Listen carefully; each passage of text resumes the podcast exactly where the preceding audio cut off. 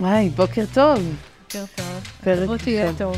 כן. זו התקופה שקשה לי להגיד בוקר טוב, ערב טוב, לילה טוב, כל דבר שטוב.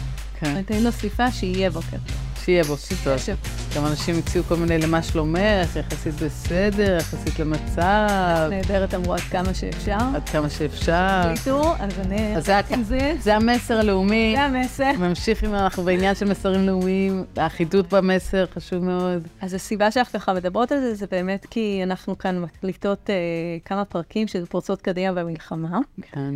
אה, יש לנו פודקאסט שאחרי זה נק- כמובן אה, נשחרר עוד הרבה מאוד פרקים שהקלטנו, שזה היה פורצות קדימה לא במלחמה. כשעוד לא ידענו שתהיה מלחמה. כן, כולם, הופתענו ב-7 לאוקטובר. אה, אבל באמת שני הפרקים האלה, ואולי עוד פרק, אה, באמת יעסקו בנושא של אה, נשים פורצות קדימה, עם כן התייחסות אה, מאוד משמעותית אה, למלחמה. וזה ככה מביא אותי למשהו שאנחנו מדברות עליו לא מעט. ופורצות קדימה, אנחנו כארגון, אה, כעסק חברתי, אנחנו מדברות עם ארגונים, בעיקר עם ארגונים, אה, ונשים אה, בכלל, אה, הנושא של גיוון מגדרי. נכון. והנושא של מנהיגות אינקלוסיבית, שזו מנהיגות שבאמת, אה, מה שאנחנו כל כך אוהבות בה, כי היא בעצם הופכת מנהלים ומפקדים למנהלים הרבה יותר טובים, מנהלות יותר טובות ומפקדים ומפקדות יותר טובות, עקב העובדה שהם מתייחסים לכל קול ולכל ביקורת ולכל משוב, ונותנים ממש מקום, וזה הרעיון ככה באמת במשפט של מה זה מנהיגות אינקלוסיבית. כי לא מספיק שיהיה גיוון, זאת אומרת שיהיו נשים וגברים, זה מאוד חשוב. מהמם. גיוון מגדרי, כמובן גם גיוון אה, זהו, רציתי להגיד, עינת אומרת את זה כרגע, ואז זה תופס לכל מיני קבוצות שונות שיש לנו בכל ארגון או בכל צוות. אנחנו שמות את הדגש על, ה, על המגדרי, אבל כאמירה, מנהיגות אינקלוסיבית היא... מתייחסת לגיוון, ולא מספיק גיוון, צריך שיקשיבו לו.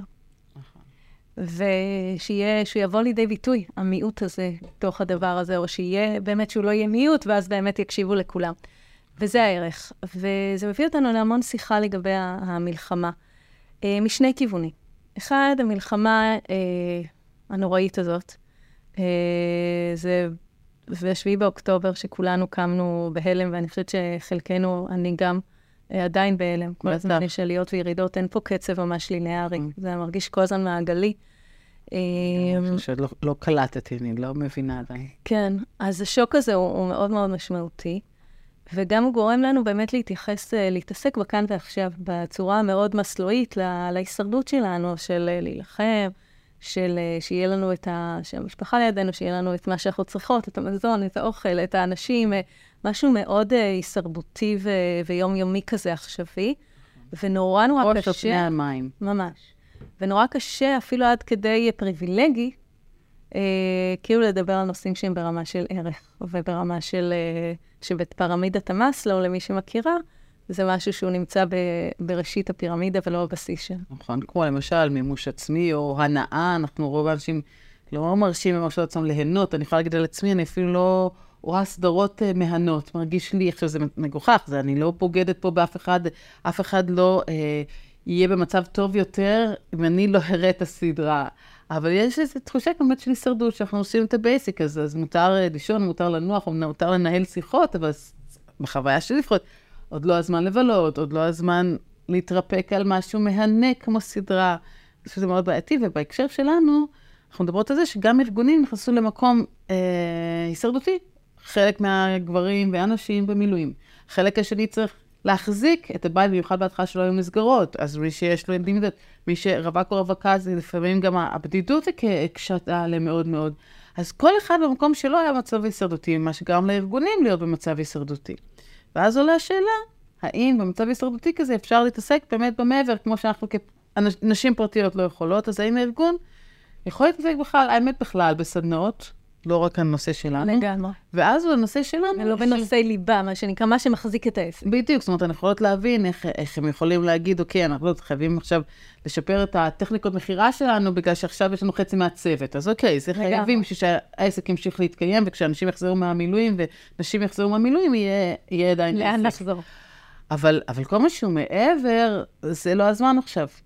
אה, ואז זה מאוד השפיע עלינו, כי אנחנו חושבות גם ש, שתמיד גם אפשר להגיד שזה לא הזמן. מצד שני, עכשיו זה באמת זמן יוצא דופן, אז, אז, אז מה עושים עם זה? כן, ואני חושבת שגם לגבי זה אנחנו מאוד מעגליות, כל הזמן קדימה ואחורה, ואני חושבת שהסיפורים, אה, גם על הנגדת, ואהבתי מאוד אה, את מה שגלית חוגי אמרה על הנגדת, היא קראה לה נגדת עתידות. Mm. אז אה, גם על הנגדת אה, ב-8200 שהתריעה ופחות הקשיבו לה, וגם על התצפיתניות והמחדל, שגם פחות הקשיבו וגם נאמרו כל מיני אמירות אה, שהן בדרך כלל נאמרות יותר לנשים. הטיות, הטיות ל... מגדריות. כן, או לפחות לדרגים נמוכים, וראינו את כל ההטיות שאנחנו מדברות עליהן לא מעט. אני רק אגיד, למשל, היסטרית. נכון. למשל, את מדברת שטויות, או למשל, אפילו קראתי לא מזמן, ש... הת, התצפיתניות שבצוק איתן כן קיבלו uh, צל"ש, ובהתחלה הם קיבלו צל"ש על זה שהם לא איבדו את העשתונות. אה, מקסים. זאת אומרת, על זה שהם לא היו היסטרית. כל כן. הכבוד לך, בוא נמחא כפיים. כן. אז, אז יש הרבה הטיות, ואנחנו לא נעביר פה את כל ההרצאה, אבל uh, פתאום העלה לנו וראינו כמה שאין מנהיגות אינקלוסיבית, שלא מכילים את כולם, לא מקשיבים לכולם. כמה כשאין כיוון, בטח בעמדות בחירות. כי יש לנו קצת מאוד נשים בעמדות בחירות, למרות שצה"ל עשה עבודה. אה, כמה זה כבר לא מותרות. לא. זה קריטי להישרדות שלנו. ואז התחושה היא כל הזמן, אנחנו לא יכולות לא לדבר על זה. כן. אבל מצד, ואנחנו גם יודעות שאנחנו דיברנו זה גם בצבא, אה, והצבא, היה לו את האתגרים האלה שאנחנו זיהינו, אבל גם לא רק הצבא, אנחנו לא נשים אותו, זאת אומרת, הוא, הוא, הוא מראה הרבה פעמים של החברה, וראינו את זה בחברות הייטק וגם חברות שלא ידעו שאין כאלה. זאת אומרת, אמרו, אבל אנחנו מאוד אינקלסיביים, או, או אשתי מאוד פמיניסטית, או אני מאוד מפרגן לאשתי, וזה בסדר, תמיד אמרנו, אנחנו לא אומרות שאתם שוביניסטים, אנחנו אומרות שגם אתה מאוד מפרגן לאשתך, יכול להיות שיש לך עדיין הטעיות, יכול להיות שאתה לא שם לב, אבל במקום העבודה, אולי באמת הבחורה הזאת בת ה-25, אתה חושב, אז יופי שהיא לא איבדה את העשתונות מול הלקוח הכי גדול שלנו. את, אתה עדיין, ולעומת זאת הגבר שלא איבד את העשתונות, אתה לא חשבת שמגיע לו צל"ש, או לציין את זה מול כל החברה. תראו, איזה יופי, הוא לא איבד את העשתונות. אתה לא, אתם לא יכולים, לא תמיד אתם שמים לב לזה, ואז בורח לכם.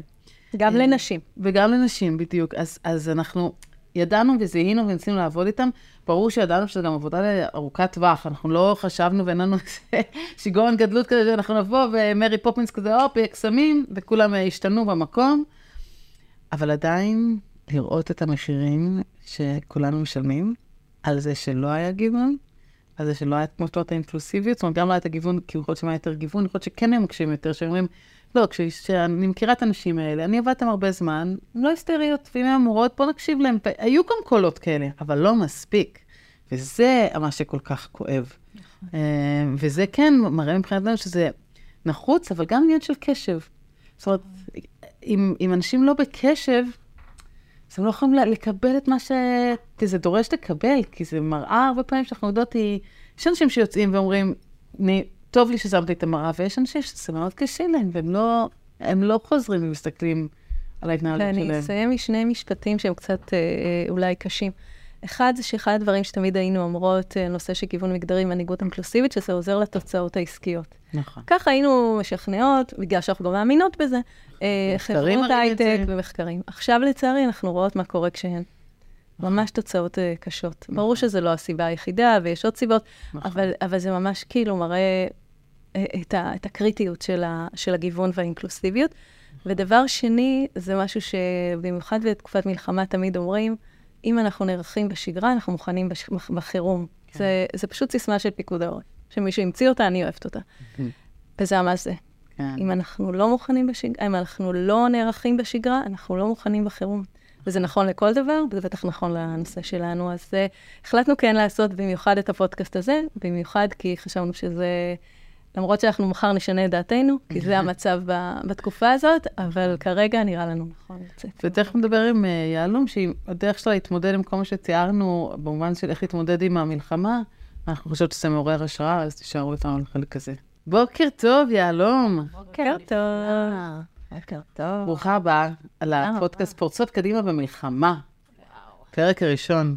משמעותי. אה, כן, גם בשבילך זה איזושהי תחושה שאת יוצאת עכשיו משלב מסוים לתקופה קצת אחרת, או איפה את? של אסקפיזם עכשיו, מה שקורה כאן. כן, אגב, אנחנו מקליטות עכשיו פורצות קדימה מלחמה, אבל הקלטנו הרבה מאוד פרקים uh, לפני פורצות קדימה מלחמה, וזה כל הזמן היה אסקפיזם. Mm. ותמיד התחושה הייתה שאנחנו מגיעות לכאן ואנחנו בעולם אחר. עולם של נשים, עולם של פורצות קדימה, יש משהו ממש אסקפיסטי, וזו פעם ראשונה שאנחנו מחליטות עכשיו במלחמה, ולא הייתי בטוחה שאני אהיה לי את אותה הרגשה, ועדיין היא קיימת. זה, זה נורא כיף, האירוח של האולפן הזה עושה את זה. נכון. ואנחנו מדברות כאילו אנחנו מכירות אותך כי אנחנו מכירות אותך, אבל יכול להיות שיש איזה מאזינה שתיים, מאזין שניים, שלא יודעים מי זאת יהלום, אז תספרי לנו, מי את, מה את? יהלום בוקאי. יהלום, נכון. ואני אספר ש... קודם כל נגיד שבתקשורת, אה, בזמן האחרון אנחנו שומעים הרבה אנשים, אז זה נורא נורא כיף אה, ומחזק לשמוע את זה, ושרק אה, נמשיך ככה. אז באמת נעים להכיר. יהלום בוקאי הרצל, ואני קודם כל אימא לשתיים, נשואה לזיו. ביום יום שלי אני סמנכ"לית פרויקטים בעמותה, ומעבר לזה אני גם מרצה ומספרת את הסיפור חיים שלי, כי באמת כל הבסיס שלי והרצון שלי לצמוח ולפרוח ולפרוץ קדימה מתחיל משם. אז אנחנו נשלב את זה תוך כדי השיחה בינינו. ומעבר לזה אני גם יוזמת שורשים ישראל, ואני עושה המון דברים שעושים טוב בעולם, כי הבנתי שזה מה שממלא אותי, זה מה שממלא לי את הנפש. וגם אני אגיד קצת קלישה, אבל כשעושים טוב, טוב חוזר אליך. אגב, דוגמה קלאסית זה הרעיון הזה. אז, אז באמת, באמת, זה ככה בקצרה עליי. יפה, אז אנחנו נת... נדבר על נושא המלחמה, אי אפשר uh, להתעלם, וגם לא רוצות. אבל uh, כן, אני אשמח ככה לשמוע לאורך הקריירה, לאורך השלבים השונים בחיים. אני ככה מההיכרות ומההיכרות שלנו איתך, אנחנו יודעות שהיו שלבים והיו עניינים, אז uh, אנחנו ממש נשמח uh, לשמוע עליהם. אה, תוך אה, נקודת התייחסות של אה, הרגע שבו ראית את ההבדלים בין גברים לנשים. וואו. אז אני אגיד שקודם כל, אני גדלתי וחונכתי בראשון לציון, גם היום אני גרה שם, ואני... נקודה מאוד כואבת בחיים שלי, שמפה בעצם התחלתי, אפרופו רגע לראות אישה, זה שאבא שלי נפטר בגיל 15, וראיתי את אימא שלי, אלמנה, מגדלת ארבע בנות, וואו. ומתחזקת את העסק שהם הקימו ביחד, ולימים מאוד מאוד מצליחה איתו גם. אז קודם כל היה לי דמות לחיקוי בבית, בוא נתחיל בזה, וגם את העבודת מחקר שלי בתואר הראשון, למדתי פסיכולוגיה, עשיתי על אה, האם נשות, נשים אלמנות יכולות להיות נשות קריירה, האם זה מעניין אותן בכלל. על זה אפשר לדבר בהרחבה, אבל, אבל, אני אגיד ש, אבל אני אגיד שגיליתי, זה שדווקא מהמקום ה, של הלבד, הרבה מהם כן רצו להיות נשית קריירה, חלקן הצליחו, חלקן היה להם את האתגרים שלהן, אבל זה היה שם. וזה שלעצמו מאוד מאוד לימד אותי. נגיד בהשוואה לנשים לא אלמנות, את אומרת שהיה כן. יותר אה, מוטיבציה. נכון, בעצם שני אה, הקבוצות מיקוד, היה נשים אלמנות ונשים אה, בזוגיות רגילה, כל מה שנקרא, בשגרה. מעניין. ושם, אצל האלמנות היה הרבה יותר drive להיות נשות קריירה, להצליח, להוות מודלי חיקוי לילדים שלהם, זה מאוד מאוד בלט. גם מעניין שהיא בעצם חוותה מאוד את האובדן פעמיים, כי פעם אחת בבית, אבל פעם נוספת בעסק. זאת אומרת, הוא היה שותף שלה גם. וגם למה שאת אומרת. נכון. אז, אז לא יכולה לברוח לעבודה, במובן מסוים העבודה, זה שהוא לא היה שם היה מאוד נוכח גם, אז בכלל כל הכבוד לה. נכון, היא באמת הייתה אישה מאוד uh, מעוררת השראה. וכשאבא נפטר, uh, אגב, בגיל מאוד צעיר, גיל 48, אני הייתי בת uh, 15, אז למדתי שצריך מתוך זה לנסות רגע להיכנס לשגרה חזרה, ובאמת התגייסתי לשירות, התגייסתי ליחידה טכנולוגית של חיל המודיעין, היה לי תפקיד מאוד מאוד מהנה, אבל חשוב לי להגיד שגם הייתי בסוף מזכירה. ולמה אני אומרת את זה? כי ד... אם אני אסתכל, אם מישהי בפודקאסט הזה, היא עכשיו אה, פקידה סלש מזכירה בשירות הצבאי, והיא חושבת שהיא כנראה, זה הייעוד שלה, והיא לא יכולה מפה להתרומם, אז אני אומרת לך, כן, את יכולה להתרומם מפה, ואת יכולה להגשים עדיין את כל החלומות שלך, גם אם התפקיד שלך אולי נראה לך פחות uh, חשוב. אני מאוד מאוד uh, נהניתי בתפקיד הזה, פיתחתי יכולות חדשות, אפרופו של ניהול משימות, ושל לעבוד מול אנשים, וצריך גם לקחת, להכיר תודה על הדברים האלה שמלווים אותנו בחיים. יצאתי לקצונה, אה, שירתתי ביחידת 9900, הייתי ראש לשכה, גם פה התחלתי לעבוד הרבה מול מנהלים גברים, mm. חשוב לומר. בסופו של יום, הצבא, עם כמה שהוא מאוד, מאוד מנסה להיות, אה, נקרא לזה, ארגון שמכיל ומאוד מקדם נשים, ברוב רובו, פיקוד הבכיר הוא גברים. וזה צריך לדעת ללמוד לעבוד עם גברים, צריך לדעת איך לגשת אליהם, צריך לדעת אה, מה, מה, מה יוצר את השיח. ולמה שסגן אלוף בן, אה, לא יודעת מה, נגיד 38, בכלל אה, יתקשר עם ילדה בת 22. מה יוצר את השיח? אז uh, אני גיליתי ש... כשאתה פונה לרגש, כשאתה פונה ללב שלהם, אז גם הסגן אלוף עם השני פלאפלים, וזה לא משנה אגב אם זה מלחמה או שגרה בצבא, בסוף רוצים שנייה לעצור ומישהו לדבר איתו. ומהמקום שלי, שלא הגעתי, אגב, כיועצת ארגונית ולא מהמשאבי אנוש, ראיתי בן אדם אובייקטיבי, הדלת שלי הייתה פתוחה, ואמרתי להם, אתם רוצים רגע לבוא, לעצור שנייה את היום שלכם, ורגע לשתף. וגיליתי שהם משתפים, והמון המון דברים מאוד אישיים, והייתי אוזן קשבת. כן. וזה היה מדהים, גם מאוד מאוד נהניתי מהתפקיד הזה. גם קצת תוביל אותך לתפקידים שאת עושה היום, נכון. שזה מרגש. נכון, נכון, אני מאוד למדתי. למדתי לעבוד עם אנשים. אה, משם התפתחתי ל-8200, הייתי בתפקידי משאבי אנוש, שירות מאוד משמעותי. אה, ואגב, פה נתקלתי, אפרופו, בשילוב של אה, גברים, נשים. פתאום אתה רואה שבחדר דיונים שנכנסים, איפה הנשים יושבות, שלרוב הן יושבות מאחורה, ואיפה הגברים יושבים, שהם תמיד ישבו במרכז של השולחן. ושמת לזה לבד, בלי שקראת על זה. זה משהו שבלט לך לבד. אה, זה מאוד התנ"ך. בלט לי, במקביל אני גם, שוב, בגלל שלמדתי קצת פסיכולוגיה וגם עשית מחקר, אז, אז פתאום אתה רואה את, מה שאתה קורא, את המציאות בעיניים. בדיוק. ואתה רואה שנשים פחות מדברות בדיונים. אה, ושם, אגב, באותה תקופה בדיוק התחיל כל השיח של, אה, בכללי של ללמד ילדות לדבר, שהעולם ככה התחיל להתעסק איתו. אז ראיתי את כל הדוגמאות האלה, ולימים המשכתי בדרגה, הגעתי לדרגת רב סרן, אני אגיד שני אה, תפקידים מאוד משמעותיים שהיו לי. רגע, אגב, ראית וניסית גם לשנות? זאת אומרת, את נגיד שמת את עצמך כן במרכז, כן נכנסת לדבר יותר, זאת אומרת, עשית כמה שינויים בעצמך או בקולגות שלך, או שזה היה כזה יותר, בואו נסתכל, אני עוד לא בעמדה של... אה, אז שאלה טובה. אז אני התחלתי להעתיק נשים אחרות, והתחלתי להבין איפה אני מרגישה בנוח. זאת אומרת, אם ראיתי אה, אישה, רב סרן, אגב, באותה תקופה לדעתי אפילו לא היו סגני אלופי נשים, מתיישבת בשולחן, התיישבתי לידה. ואם ראיתי מישהי שיושב מאחור, התיישבתי לידה. לאט לאט הבנתי איפה אני רוצה לשבת, וגם הבנתי שאני רוצה קריירה, אז התחלתי לשבת בשולחן, יחד עם כולם, והתחלתי להביע דעה. אה, וגם מה שלמדתי, אגב, לטוב ולרע, זה להגיד דעה כשבאמת באמת אה, אני חושבת שהיא רלוונטית לשיחה, אבל גם לדעת מתי שיחה ומתי גם לשתוק. כי אתה רוצה להגיד דברים שהם איכותיים ושבאמת יעריכו גם את הדעה שלך, אתה- אז לי היה חשוב להגיד אה, באמת באמת כשיש ערך למה שאני אומרת, ולא כל דבר רק בשביל שישמעו אותי. אה, את אומרת את זה אל מול אלה שכן מדברים. ואני אומרת את זה מול. אגב, מול גברים במיוחד. כי רוב האנשים, שאני לא אשמע עכשיו איזה אנטי גברים, אני ממש לא, אבל... זה אבל- תמיד ה disclaimer שאנחנו אומרות בפודקאסט, אבל אה, מכיוון שהפרק הזה גם יהיה לפני פרקים אחרים, אז כן חשוב אה, לחזור עליו. זה שכמובן, נושא של נשים וגברים, אנחנו מדברות בהכללות. נכון. אה, ועל זה ה disclaimer שלנו, והכל זה בסוף חוויות אישיות וגם מחקרים, אבל זה שורה תחתונה. שבהכללה, כן, ראית תופעות שיותר אופייניות לגברים, כמו התופעה הזאת, שהם פחות חששו להגיד דברים, גם אם אה, אולי הדברים לא היו מדויקים, ואולי אפילו לא מגובים, אלא מין דברים שהם זרקו לאוויר, ו... כדי להשמיע. אני אגיד שאני דווקא רוצה להגיד כל הכבוד גם להם באיזשהו מקום. נכון. זה מדהים איך הם גדלים לתוך הידיעה שהם יכולים להגיד אה, את הדעה, את הטון, זה מדהים בעיניי, אגב, ואנחנו, אנחנו, אגב, נשים צריכות מאוד ללמוד גם מזה. נכון, הפרצות קדימה, אנחנו קוראות לזה לשחק את המשחק. לגמרי, לגמרי. אז uh, אני אספר על שני תפקידים שהם היו מאוד מש... משמעותיים, ומבחינתי גם מאוד רלוונטיים גם לתקופה. שירתתי כראש תחום משאבי אנוש ביחידה בבסיס סגור, אה, יחידה שעוסקת באוגדת עזה והיו"ש, זו יחידה שעכשיו עובדת מאוד מאוד מאוד קשה על כל מה שקורה. וגם בתקופה שאני שירתתי שם וניהלתי בעצם כוח אדם, אה, התחילה מלחמת צוק איתן. אז גם עכשיו במילואים, היה לי ברור שאם אני עושה מילואים, אני עושה שם, כי אני ארגיש הכי משמעותית. אפרופו רגע לחפש את, ה, את המשמעותיות, ובמה באמת אני יכולה לתת ערך.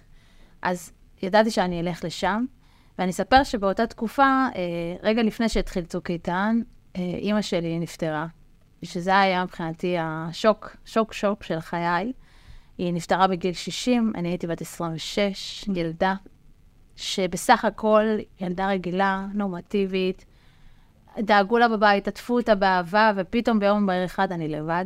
יש לי uh, שלוש? אחיות. אני לא הבכורה, אבל uh, יש, אני מאוד דומיננטית בקרב אח- אחיותיי. אנחנו ארבע בנות, וכל אחת חווה את האובדן בדרך שלה, המון המון רגש, המון כעס, בכי, עצבות, תסכול של מה, למה שוב פעם, איך זה קרה לי עוד פעם, ומה, האם יכלתי לעשות משהו אחר? ואני גם אגיד שחבר טוב שאל אותי, רגע לפני שכמה חודשים שאבא שלו נפטר, הוא שאל אותי, תגידי, מה הטיפ הכי טוב שאת יכולה לתת לי? אמרתי לו, תעשה כל מה שאתה יכול, שכשיגיע היום, תדע שעשית כל מה שאתה יכול, ולא תחיה עם חרטה, שאני אגב חיה איתה כל יום.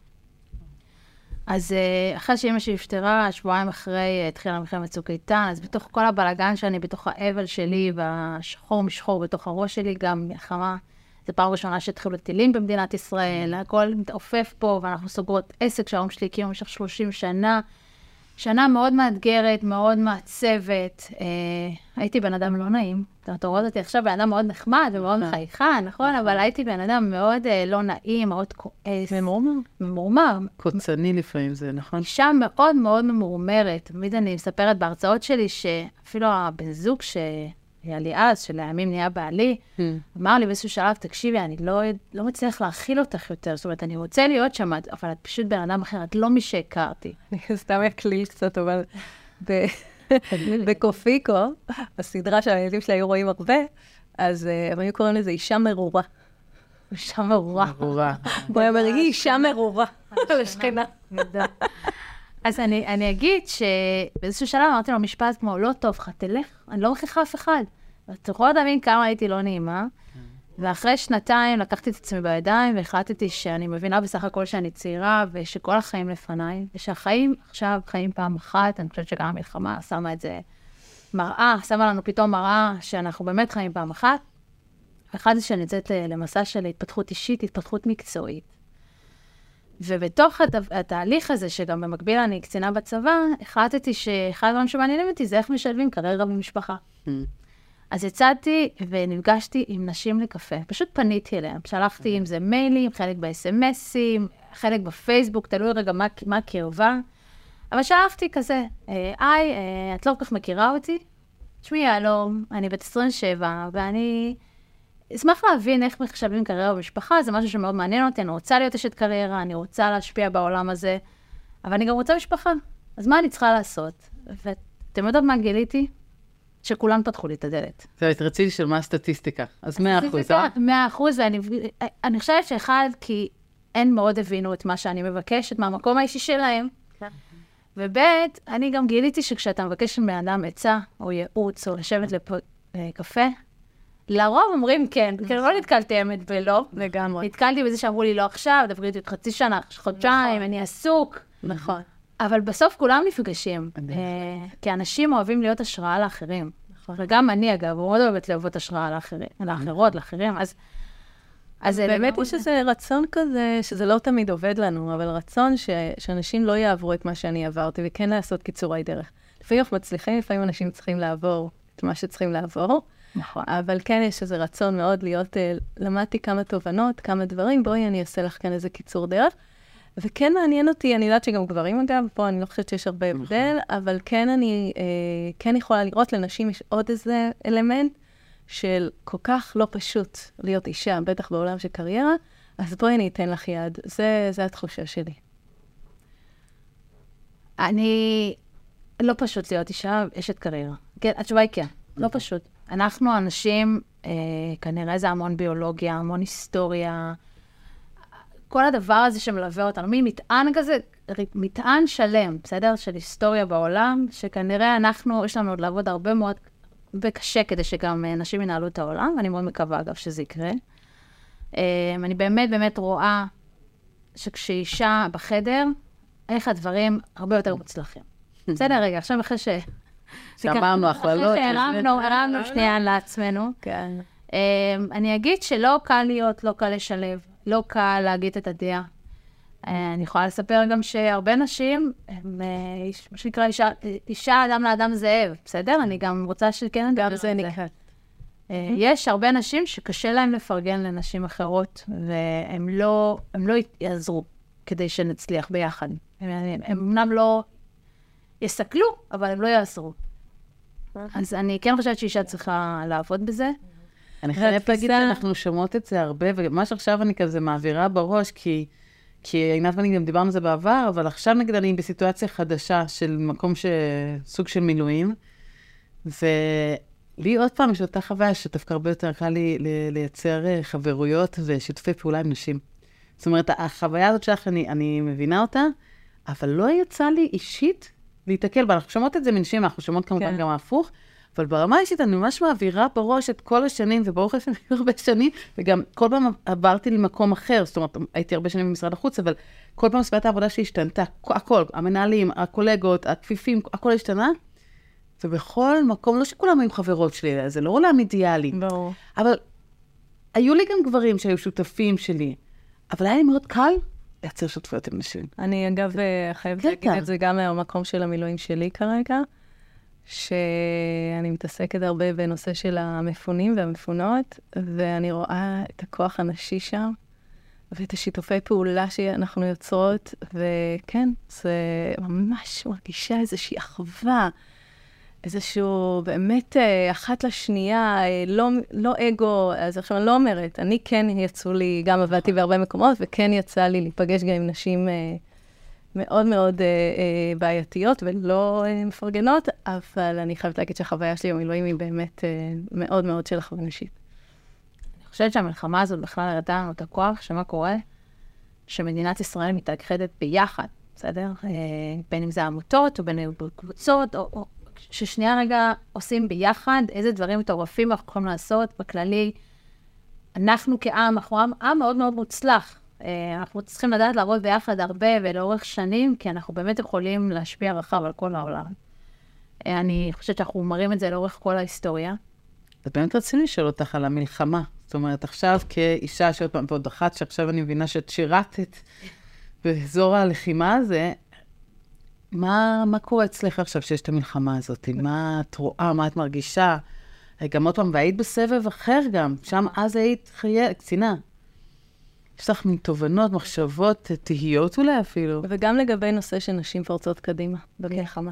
אז, אז אני השתחררתי לפני שנתיים. אה, אני אגיד, ואני שמה את זה כאן, כי אני חושבת שזה משהו ש, שנכון לומר.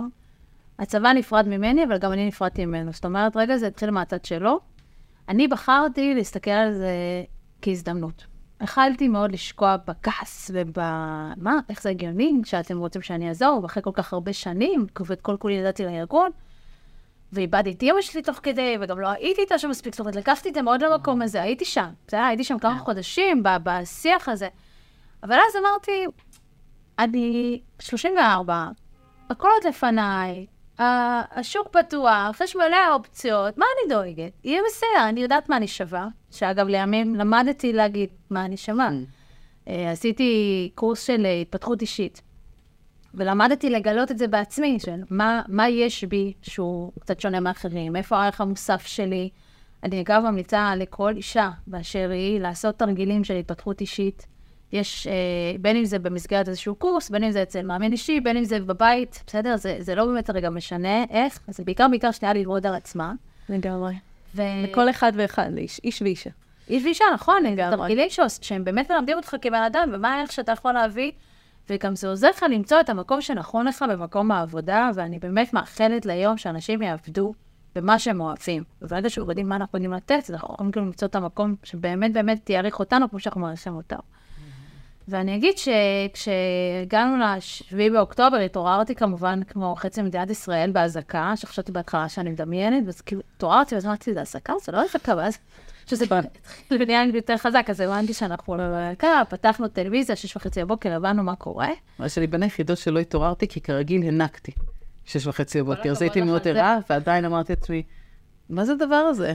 כבר שכחנו. אולי זה זה תקלה. כן, אה, אז, ואז, כמו כולם, הייתי בשוק, הייתי מאוד מופתעת, אה, גם שישר בתקשורת אמרו, מה זה 8200, לא התריעו, ואוטומטית את לוקחת את זה, כן, לוקחת את זה אה? למקום שלי, אני מכירה את היחידה, אני מכירה את היכולות, אני מכירה את האנשים. גאוות יחידה. מכירה, אבל, אבל מעבר לזה שזה גאוות יחידה, אז את מכירה את האנשים שעושים את נכון, העבודה. ואז את אומרת, זה לא הגיוני.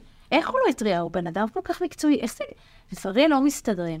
והראש שלי עבד ועבד ועבד, ו... אגב, אני מכירה באופן אישי, שוב, כשכנה, את הרמטכ"ל. אז זה ממש היה כזה, אני מכירה אותו, הוא אדם ממש טוב. איך זה הגיוני? איפה המשמרת שלו? ובאמת, אה, אז, אז כמה ימים הראשונים הייתי בשוק, כמו כולם, בסדר? אני לא חושבת שאני כל כך שונה. בשוק, הייתי בעצבות, בכעס, ב...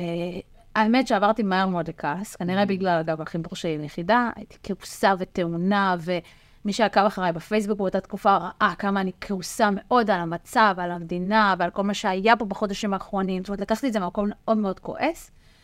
ואז חברה טובה, אה, שמלווה אותי המון שנים, שאגב, הכרנו בקורס של התפתחות וקריירה, ואני אומרת, איזה קורס מתנה זה היה, אה, אמרה לי, יהלום, זה לא מתאים לך. נתנה לי הערה באלף, אמרה לי, את בן אדם שמפזר אור, את בן אדם אופטימי, זה הגישה שלך בחיים. את אומרת, תמיד תסתכלו על האופטימיות, על החצי כוס המלאה.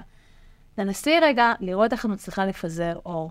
וואי, זה ממש, זה, יש לי משהו בראש יהלום, שכאילו שהוא מקרין אור, זאת אומרת, מכל מיני זוויות, זה כל כך אה, נראה לי את. אני יכולה להגיד שבאחד התגובות שכתבתי ליהלום בפייסבוק, ואני לא כותבת הרבה, כאילו, כותבת תגובות, אבל לא כאלה. אה, ממש כתבתי שהיא נתנה לי חוסן. היה בה משהו בפוסטים, וזה אחרי שהיא באמת אה, עברה את הכעס. אה, אני באמת מתחברת לכזה דבר. אני חושבת שגם, ואני אשמח שתספרי על זה קצת, כי, כי זה לא סתם כזה, בואו נפזר נצנצים, בסדר? שזה אני פחות מתחברת. אלא יותר באמת, כאילו, הצלחתי להתחבר לערכים ולמקום הזה של החוסן, וזה משהו שאני אשמח מאוד שתדברי. אז אני, היה לי מאוד חשוב, בגלל שכולם, אגב, פה ברשת החברתית, הראו את כל הרע, בסדר? היה רע, יש עדיין רע. ו- ואתה כל הזמן רואה את זה. ובשעה מסוים שמעתי בקרב אנשים שאגב, חלק מהעסק שלהם זה גם להיות ברשת החברתית, שאומרים, אנחנו כבר רוצים להיכנס לרשת החברתית, mm. אנחנו נכנסים לעקרונות, ואמרתי, אולי זה המקום שלי באמת שנייה לחפש את האור.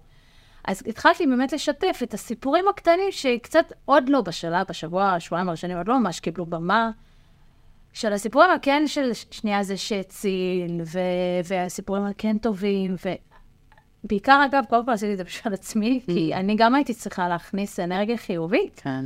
כשאת אימא לשתי ילדות קטנות, את אומרת, לאיזה עולם הבאתי אותם? ואת צריכה, צריכה להכניס לעצמך drive חדש, של האם הבאתי אותם לעולם הנכון, האם זה נכון שהם פה, והיה לי מאוד חשוב להפיץ את הטוב הזה, אז חיפשתי כל מיני סיפורים, חלק היו מוכרים יותר, חלק היו מוכרים פחות, אבל בעיקר בעיקר התחלתי לשתף את זה, ובאמת קיבלתי פידבקים, בואו בואו, פשוט אומרת, קיבלתי פידבקים אחרים שאומרים לי, וואי, מה זה תודה? ואני אמרתי, טוב, כנראה שזה באמת מה שצריך לקרות. אני גם חושבת שזה שונה במובן הזה שיש כאלה שכותבים אהבת חינם וכל מיני סיסמאות, ו- ואז אני מסתכלת על זה ואני אומרת, כאילו, באמת, זה מרגיש מה זה מנותק עכשיו. ואני חושבת שבגלל החיבור שלך גם לסיפורים, גם לדרך חיים שלך, גם למסקנות שאת הסקת לאורך החיים שלך עקב היתמות המוקדמת, אה, וגם מה שאת עושה עם זה בסוף ברמת המעשה, אני חושבת שזה כמה דברים ביחד ש... שיוצרים פה את ה... אז, אז אני אגיד שבאמת אחד הדברים שהעליתי יחסית אה, בשבוע השני, לדעתי של המלחמה, היה סרטון שאומר, איבדתם אדם קרוב, תהיו שם. זה בסדר לכעוס, זה בסדר להיות עצור. ופתאום קיבלתי הרבה לייקים, שזה... עכשיו, העליתי אותו באמת מהמקום הכי אישי. כי יש תופעה בקרב הישראלים, אגב, של תהיה חזק, תהיי חזקה, ואת אשת הבית, את צריכה להרים את המשפחה, נכון? כל מיני... ואני אומרת, אחלה, אני לא אומרת, אני לא סותרת את מה שאומרים, yeah. אבל בואו רגע, במיוחד אגב אנשים, בואו שנייה, תהיו ברגע, תחוו, זה בסדר להיות עצובות, זה בסדר להיות עצובים. היה סרטון מאוד, אה, שאני אז מאוד התחברתי אליו, שהוא מדבר על ההבדל בין סימפתיה לאמפתיה, והוא, מראה שכשמישהי או מישהו באיזשהו בור, אז אמירות כמו, הנה סולם, בואי תצאי, כן. או זה יעבור, או זה לא כל כך נורא, או גם אני הייתי בבור, כל האמירות האלה לא באמת עוזרות. כי כשאני בבור, אז עכשיו זה, א', לא תמיד אני רוצה לצאת עכשיו, גם לא תמיד אני בכלל יכול להכיל את זה שגם לאחרים היה רע או עדיין רע, אני, אני לא... כל הדברים האלה, אלה יותר מקומות שבאים ממקום טוב, בגלל זה עכשיו כמו סימפתיה, אני, אני רוצים לעזור. אבל לפעמים כל מה שהבן אדם צריך זה אמפתיה, זה להגיד, אני רואה אותך, אני רואה שקשה לך. אני אשב איתך בבור. כן, אני אשב איתך בבור, אני איתך. ואני איתך למה שאת צריכה. Uh, וזה כל כך שונה, ודרך אגב, זה גם לא רק ישראלי, זה גם אוניברסלי, כי למה זה? כי יש איזשהו חוסר אונים מול זה שיש עכשיו, נגיד, איזו עצבות מאוד מאוד גדולה. Uh, או חוסר אונים מאוד מאוד גדול, מכניס אותנו חוסר אונים. אז אנחנו אומרים, בוא נהיה אקטיביים, בוא נעשה משהו. אבל לפעמים, את יודעת, העוצמה האמיתית היא באיזשהו מקום לא לעשות כמעט כלום. לתת לאותו אדם להיות שם ולהגיד, אני בוטח בו, בוטחת בה, ש, שזה, שזה יהיה לה נכון, יהיו דברים אקטיביים אחרים שהיא תעשה, אבל, אבל זה מאוד קשה, גם לבן אדם וגם לסביבה. אגב, אני מאוד מתחברת למה שאת אומרת על האתוס הישראלי להיות חזק, וגם הנשים החזקות. ו... וזה משהו שמאוד צץ לי כשראיתי את החטופות חוזרות. אז חלק נפנפו, כמו שאמרו להם, וחייכו, ואחת עמדה בצורה מאוד בכירה, שכל הכבוד לה. אבל משהו בבולטות שנתנו לזה הרגיש לי, א', לא פייר לעומת האחרות, כי מה הם? הן חלשות, כן. הם חייכו, הם נפנפו, ואני הייתי עושה אותו דבר. אני לא הייתי רימון. גם אני. ונורא חשוב לי להגיד את זה. כי אני חושבת שזה בדיוק העניין. אני חושבת שצריך להבין שמי שחזק מעולה לו. אבל זה לא אתוס, וזה לא ציפייה מכולם, ולכן אפילו מאוד הפריע לי, לא, היא מדהימה, אבל הפריע לי הבולטות של זה, שעכשיו כולם שמו, ודעתי זה צורך שלנו, להראות שאנחנו חזקים, אנחנו חזקות, אין חולשה, אין זה. ואני הרבה פעמים, וזה מה שאני אוהבת באותנטיות, זה שאני אומרת להם, יכולתי להגיד, אני הייתי כמו רימון, מה אכפת לי? נכון? אני לא, לא חטפו אותי, אני יכולה להגיד מה שאני רוצה. כן, לא יודעות. אנחנו לא יודעות. אני יודעת שלא הייתי. ואני באה ואומרת את זה. וזה לא אומר שאני חזקה או חלשה. האתוס הזה שאמרת לי, הוא העלה לי פה משהו ממש עצבן אותי. כל הזמן להגיד, נשים חזקות, נשים יכולות, גם על גברים, בסדר? אבל גברים זה כאילו, זה obvious. אבל נשים כאילו תמיד אומרות שהן, למרות שהן נראות חלשות, הן יותר חזקות. לא, יש נשים כאלה, ויש נשים כאלה, והמציאות היא לא נורמלית. ובואו נתייחס למצב בצורה אותנטית וניתן כלים, שזה לדעתי משהו שאת עושה. ולכן אני מאוד מתחברת, וזה כן בא לאותו דבר של הבור. תהיי חזקה, תצאי מהבור, איפה הנשים החזקות? הנה, רימון יצא מהבור, למה את לא יוצאת? אז זה משהו שהוא לנו, מקומם. היה לנו נראה לי גם פשוט קשה לראות את ה... המניפולציה שחמאס עושה. הנוראית הזאת. כן. זאת אומרת, עד הרגע האחרון, אתן שבויות שלנו ותעשו מה ש... אני חושבת שזה היה כל כך קשה להכיל, כי עד עכשיו רק דמיינו מה קרה להן, ופתאום אנחנו רואות מול העיניים איך הן מקבלות הוראות בימוי גם ברגעים האחרונים. אני חושבת שזה היה מאוד קשה להכיל את זה. רגע. מאוד קשה. ואז היה נורא קל לי, כאילו להתעלות באיזה מישהי אחת שעשתה אחרת. לדעתי, אה, זה, זה רק, אה, זה מעיד עליה. כן. אבל אם אני אחזור שנייה לאופטימיות, מה, כן. אגב, מה אני לקחתי? אני מאוד מסכימה עם שתיכן. מה כן לקחתי? זה המודעות. זה רגע שלהיות במודעות מהצד של, אפרופו רימון, ומהצד של אנשים אחרות, ו... ושאלתי עצמי, איפה הייתי אני? מעניין איפה הייתי. האם הייתי בכלל במודעות לזה? הרגע יצאתי מאיזה בור... הייתי, אני, אני חושבת שאחד הדברים שמאוד, אה, אנשים מאוד ספגו ממנה השראה, בעיקר כי היא הייתה במודעות לעשות חזק. את התנועה. וזה זה זה וואו. באמת, באמת מרשים. אה, אבל אין, אני לא חושבת שצריך להסתכל פה על השוואה. כל- בכללי, אני לא אוהבת להשוות בין אנשים, אני חושבת שכל אחד מגיע עם איזשהו מטען, אם זה משפחתי, אם זה אישי, אם זה קרייריסטי, וצריך כמה שפחות אה, להשוות, אפרופו תופעה ישראלית, זה מאוד ישראלי. בהחלט, בהחלט. ואז כל הזמן אתה מרגיש רע, כאילו, איך זה נקרא? בהשוואה. כן. אמ, אני רוצה להגיד עוד משהו ספציפית רק על השירות הצבאי, שאני אגיד שהתפקיד הש... המשמעותי השני, כי הוא ש- גרם לי לשנות באמת את, ה... את, את מי שאני בקריירה שלי היום.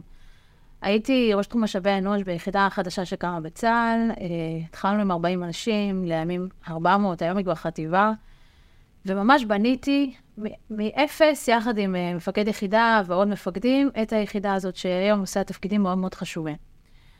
מה גיליתי על עצמי שם? זה שאני לא רק אוהבת משאבי אנוש, אני אוהבת ניהול פרויקטים. Mm. ואז נכנסתי למין דילמה עם עצמי, שסחבתי אותה כמה שנים.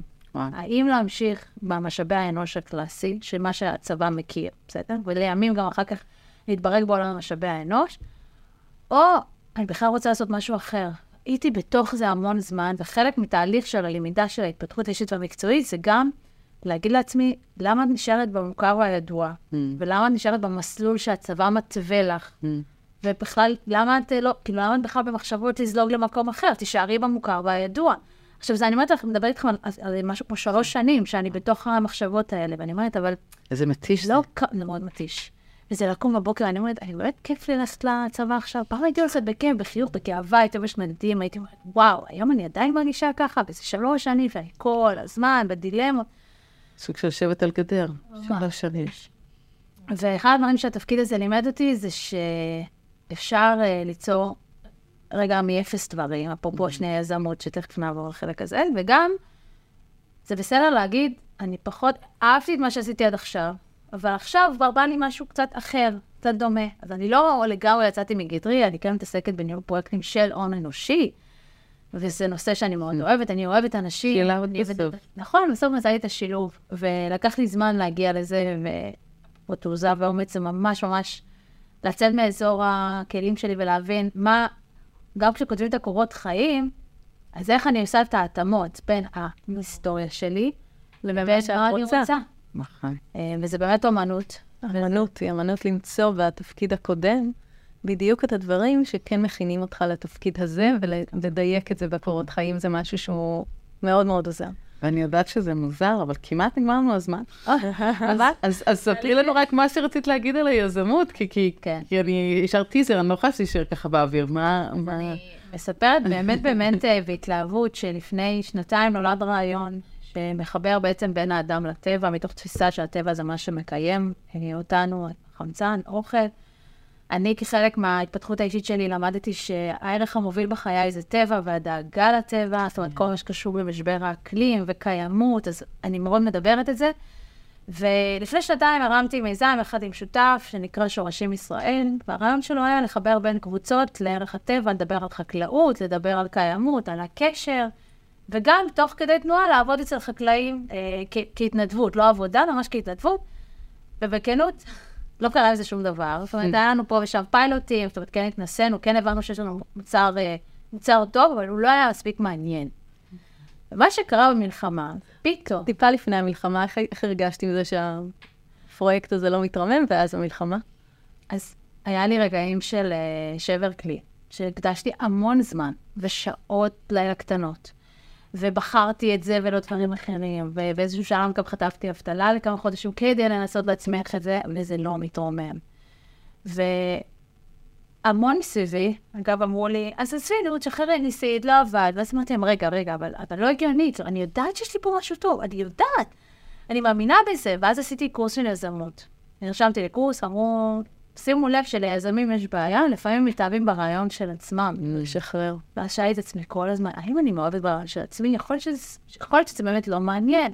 אולי העולם לא בשל לזה עדיין, כי יש המון אתגרים אחרים, והיה גם את המחאה, והיה המון המון דברים שאת אומרת, אולי העולם לא כרגע מעניין אותו הטבע, בעלי חיים לא מעניין אותם, הצמחים לא מעניין אותם. והחלטתי שאני שמה את זה בצד, ממש כמו מוצר מדף, בצד היה אתר, האתר חי ופועל, אבל אני יחסית, אה, מדי פעם נכנסות קבוצות אחלה, נרים את זה, אבל לא ברמה שאפשר לקרוא לזה להיות עסק עובד. וזה קורה הכל במקביל, שאני גם מרצה את הסיפור חיים שלי, על צמיחה ממשבר, וגם עובדת כסמנכ"לית פרויקטים, הכל קורה במקביל, ומגדלת שתי ילדות. אה, ואז פתאום מגיעה המלחמה. ואני יושבת ורואה את כל מה שקורה מול חקלאים, אומרים, אין שם ידיים עובדות, אין ידיים עובדות, אז אני אומרת, רגע, שנייה. אני, אני חייבת לעשות עם זה משהו, לא הגיוני, רגע, זה בדיוק הט- הטיימינג, יכול להיות שזה המשפט, timing is everything, יכול להיות שזה עכשיו. ושמתי פוסט, ושמתי פוסט והודעת וואטסאפ, והתחלתי להתגלגל, ופתאום התחילו טלפונים, והגיעו המון ארגונים כבר. כל אחת כזה אנחנו מעלים בפייסבוק, שבאמת אני מתלהבת, כל ארגון כזה בא ומתנדב, חלק גם לוקחים באמת אה, תוכן של הרצאות וסדנאות שקשורות בנושא.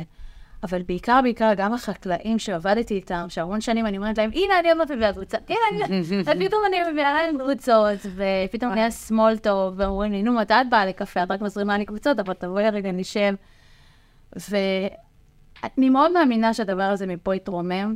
אני רוצה לקוות ולהאמין, אבל אני גם עם קצת, אה, נקרא לזה, איזון בראש שלי, ואומרת, הכל יכול להיות, אבל יש לי חלום שזה ממש יהיה מסע חשיבה שעוסק בקיימות וחקלאות, ואני רוצה לה- להאמין שיגיע היום שהעולם יתעסק בזה, כי הוא יאמין שזה בסוף מה שמקיים אותנו. אז, אה, אז בואו נראה מה קורה עוד שנתיים, שלוש. אבל אני כן אגיד שקרה עוד דבר מאוד משמח, אפרופו טיימינג, שלפני שבוע קיבלתי אישור ממשרד החינוך להתחיל לעבוד עם התוכנית הזאת מול מנהלי בית ספר. מדהים, איזה יופי. וזה רק מראה שכשיש צורך ויש רעיון, והרעיון נותן מענה לצורך, היום אני אומרת את זה, אבל זה לא... לא הבנת בזה. לא כן, זה היה... לפני, אה, לא יודעת מה, כן. שנה. כן. זה היה סיסמה שעוד לא התממשה. והיום ואז זה נורא מתסכל. מאוד מאוד מבינה. אז אני בנקודה בחיים שלי, שאני מבינה שהחיים קצרים. אני באמת חיה ככה היום. אני מגשימה את החלומות שלי, אבל אני גם מאוד אימא, וחשוב לי להגיד. אני שלוש פעמים בשבוע, אפרופו על השילוב של קריירה ואימהות, שלוש פעמים בשבוע אני אימא, לשל... לא כולל הסופש כמובן, לשתי ילדות ש... שצריכות אותי ואני רוצה להיות איתן. אני שמה על זה המון המון דגש, ויש לי גם בעל שמאוד מכיל ותומך, אה, ובחרתי נכון, אז... גם העמדת במבחנים שעמד בהם? לגמרי, זה חשוב. כמובן המבחנים הכי קשים. קיבל את האישה המרורה. אה, אז תודה רבה רבה, ותמשיכי להפיץ אור מסביבך. ממש. זה עובד. כן, תודה, תודה. תודה על הזכות. טוב, יהלום, איזה יהלום. זה קלישאה להגיד, אבל היא יהלום. ממש, נכס. קוראת לה לכל ההרצאות שלה וכולי דרך היהלום, ואמרתי, וואו. מתאים, בול. מתאים. אז אנחנו ננסה לזקק את הדברים שהיא אמרה לכמה טיפים שאפשר עכשיו לקחת אותם ולעשות אותם. אמ, ואמרנו, בואו ניקח את הדברים שאנחנו חושבות שמאוד מייחדות אותה. ואחד מהם העניין הזה של לקבוע קפה עם נשים שהיא לא מכירה. הרבה פעמים נשים עושות את זה, ולהגיד להם, אני רוצה לשמוע ממך ולהגיד מה אני רוצה במקרה שלה זה איך את משלבת נשים בקריירה, את, העב, את העבודה ואת המשפחה והילדים, ו- ו- ולקח את הסיכון הזה. ולאישה שאת לחלוטין לא מכירה, והנה, היא אמרה לנו 100% הצ- ההצלחה, זאת אומרת, הסיכון שנרא- של חלק מהאנשים נראה מאוד מאוד גדול. במקרה שלנו, 100% הצלחה שווה לנסות. אז זה טיפ מספר אחד. לגמרי.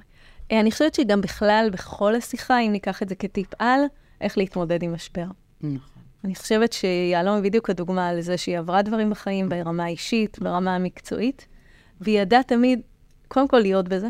זה משהו שהיא אמרה שהיא גם אה, מייעצת הרבה פעמים לאנשים שהם באבל או במצב קשה, קודם כל להיות בזה, היא ידעה להיות בזה, אבל מתוך הלהיות בזה, היא ידעה לחפש מה הערך או מה הדבר הזה שהיא נותנת לעולם. ואני חושבת שזה מה שגרם לה אה, להתמודד עם משברים, ואני חושבת שזה טיפ אה, שמאוד יעזור לכולנו בנושא הזה של איך לייצר חוסן ואיך להתמודד עם משבר. גם אהבתי שהיא אמרה שלמעשה היא קיבלה פעמיים פידבק מבחוץ, אבל שהיא קיבלה אותו. שמבחוץ אמרו לה, תקשיבי, את כך וכך, וזאת לא מי שאת באמת, בגלל שזה אנשים שהכירו אותה מאוד טוב. אז אני חושבת שהרבה פעמים אנחנו נאטמות, ואנחנו אומרות, לא מבינים אותי, אף פעם לא היו במצב שלי, איך הם יכולים להגיד לי דברים כאלה? והיא אמרה, רגע, אני סומכת עליהם, ולכן אני כן רגע אקח את מה שהם אומרים ואני אראה מה אני עושה עם זה. אני חושבת שזה גם היה מקסים. לאו דווקא. קריירה, היא דיברה גם הרבה על החיים האישיים. לגמרי, וגם הטיפ שלה ליזמות. אני נכון. חושבת שהיא ליזמות נשית וליזמות בכלל.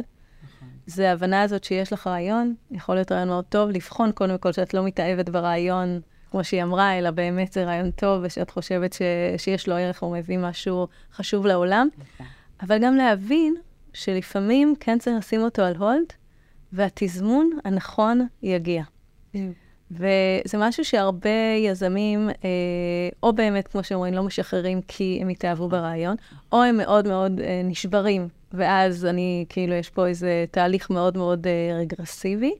אבל מצד שני, להגיד גם, רגע, אני שמה את זה שנייה, אבל זה יקרה.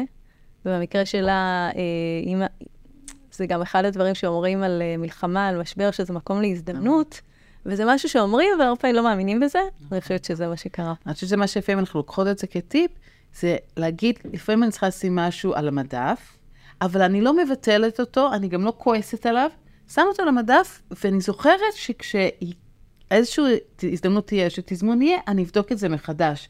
ואז באמת זה לא הדיכוטומי הזה של רע או טוב, זה בהמתנה. ואני חושבת שזה יכול לעזור לכל מיני דברים, זה פרויקטים גם בעבודה למי ששכירה, כל מיני רעיונות שלנו, נגיד, עכשיו לא היה לזה קשב, אבל אולי עוד מעט יהיה לזה קשב, אולי מתישהו יהיו נסיבות שיתאימו. אז אני חושבת שזה טוב להסתכל על זה ככה גם. ואני חושבת שגם היא העלתה הרבה מאוד מקום של האנשים, ובתקופה של מלחמה, ואיך זה משפיע, ומה זה אומר, והייתי אומרת שהבקשה שלי, ואני ארצה לבחון את זה גם בפרק הבא, אה, איך אנחנו נותנים לדבר הזה להמשיך? כי לצערי, מניסיון העבר, נשים מאוד מאוד מוכיחות עצמן במלחמות. הן לוקחות את העורף עליהן, כי הגברים הרבה פעמים במילואים, במקרה שלנו גם יש נשים לוחמות, אבל אחרי המלחמה נוצרת איזושהי רגרסיה, דווקא עבור הנשים. זה קרה גם בקורונה, מסיבות אחרות, אבל זה בטח קרה במלחמת העולם הראשונה והשנייה, וכל מי שמסתכל על ההיסטוריה. ואני חושבת שגם יהלום ונשים כמוה, אה, אפשר אה, לראות איך אנחנו ביום שלמחרת, ומבחינתי כל מי ששומעת כאן, אה, לא הולכות אחורה, אלא הולכות עם ההזדמנות הזאת קדימה. אז יש את המעצפות, יהיו לנו עוד פרקים. ביי בינתיים. תודה, תודה.